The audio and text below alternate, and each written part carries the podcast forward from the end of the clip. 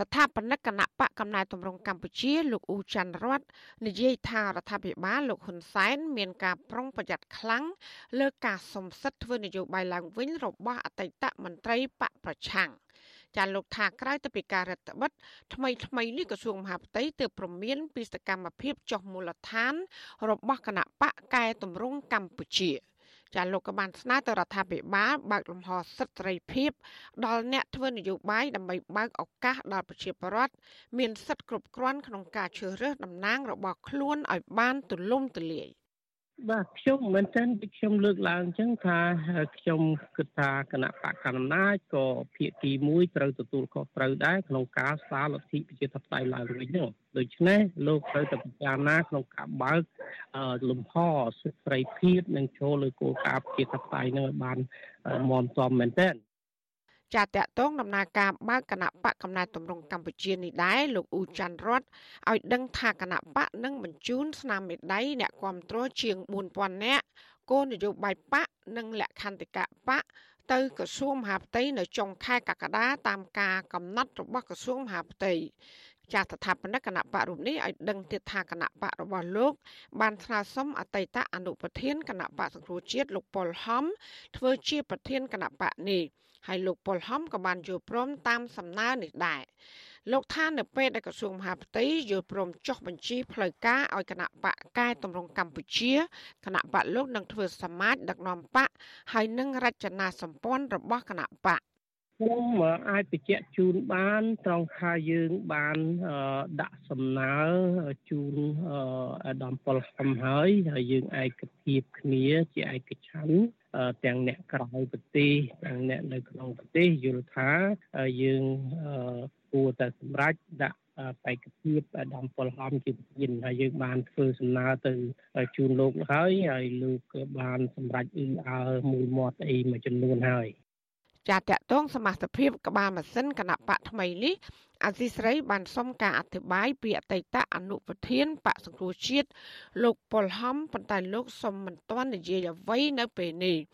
ជុំវិញការព្រួយបារម្ភរបស់មេដឹកនាំគណៈបកថ្មីនេះអធិសរីក៏នៅមិនទាន់អាចធំប្រតិកម្មពីអ្នកនាំពាក្យក្រសួងមហាផ្ទៃលោកខៀវសុភ័ក្រ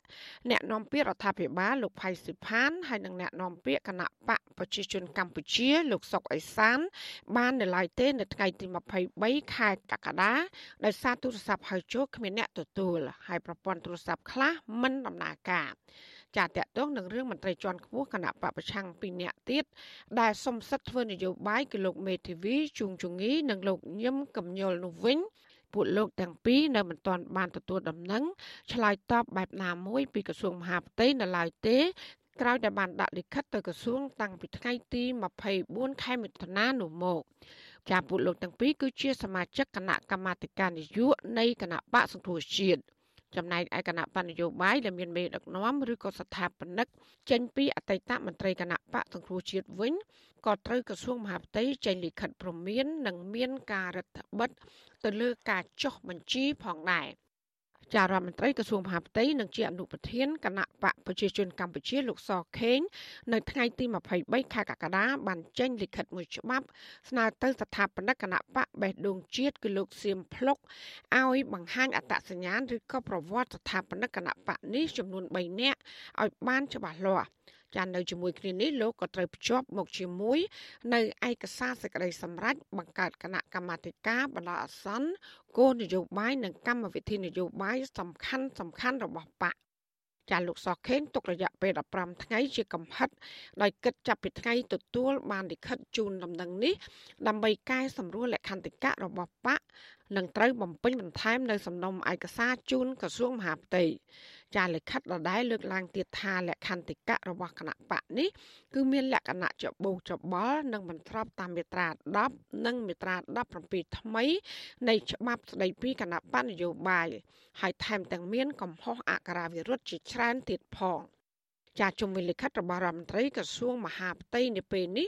អសីស្រីនៅមិនទាន់អាចសុំប្រតិកម្មពីស្ថាបនិកគណៈបកនេះគឺលោកសៀមភ្លុកបានទេ នៅថ្ងៃទី23ខែកក្កដា ចាអ្នកខ្លំមើលផ្នែកអភិវឌ្ឍសង្គមលោកបណ្ឌិតសេងសារីនិយាយថាមន្ត្រីបកប្រឆាំងណា ដែលមិនរណបនឹងគណៈបកកាន់អំណាចអាចជួបការលំបាកក្នុងការសំសិទ្ធធ្វើនយោបាយនិងបើកគណៈបកចាគិតមកដល់ពេលនេះអតីតមន្ត្រីបកប្រឆាំងបានចេញទៅបង្កើតគណៈបកថ្មីយ៉ាងហោចណាស់ចំនួន5គណៈបកក៏ប៉ុន្តែគណៈបកខ្លះក្រសួងមហាផ្ទៃនៅមិនទាន់សម្រេចចុះបញ្ជីផ្លូវការឲ្យនៅឡើយទេ ចានៅចុងក្រោយនេះគឺមានគណៈបកនយោបាយថ្មីមួយទៀតឈ្មោះគណៈបកកម្ពុជានិយមក៏បានស្នើសុំចុះបញ្ជីនៅក្រសួងមហាផ្ទៃចាទោះជាយ៉ាងណាមេធាវីលោកកឹមសុខាគឺលោកផែងហេងបានសរសេរនៅលើ Facebook ថាបើគ្មានដំណោះស្រាយនយោបាយជាតិរួមទេនោះទោះបីជាមានបកច្រើននិងមានបកល្អល្អយ៉ាងណាក៏មិនមានន័យសម្រាប់ដំណើរការប្រជាធិបតេយ្យនោះដែរ ចាននាងខ្ញុំម៉ៃសុធានីវិទ្យុអេស៊ីស្រីពីរដ្ឋធានី Washington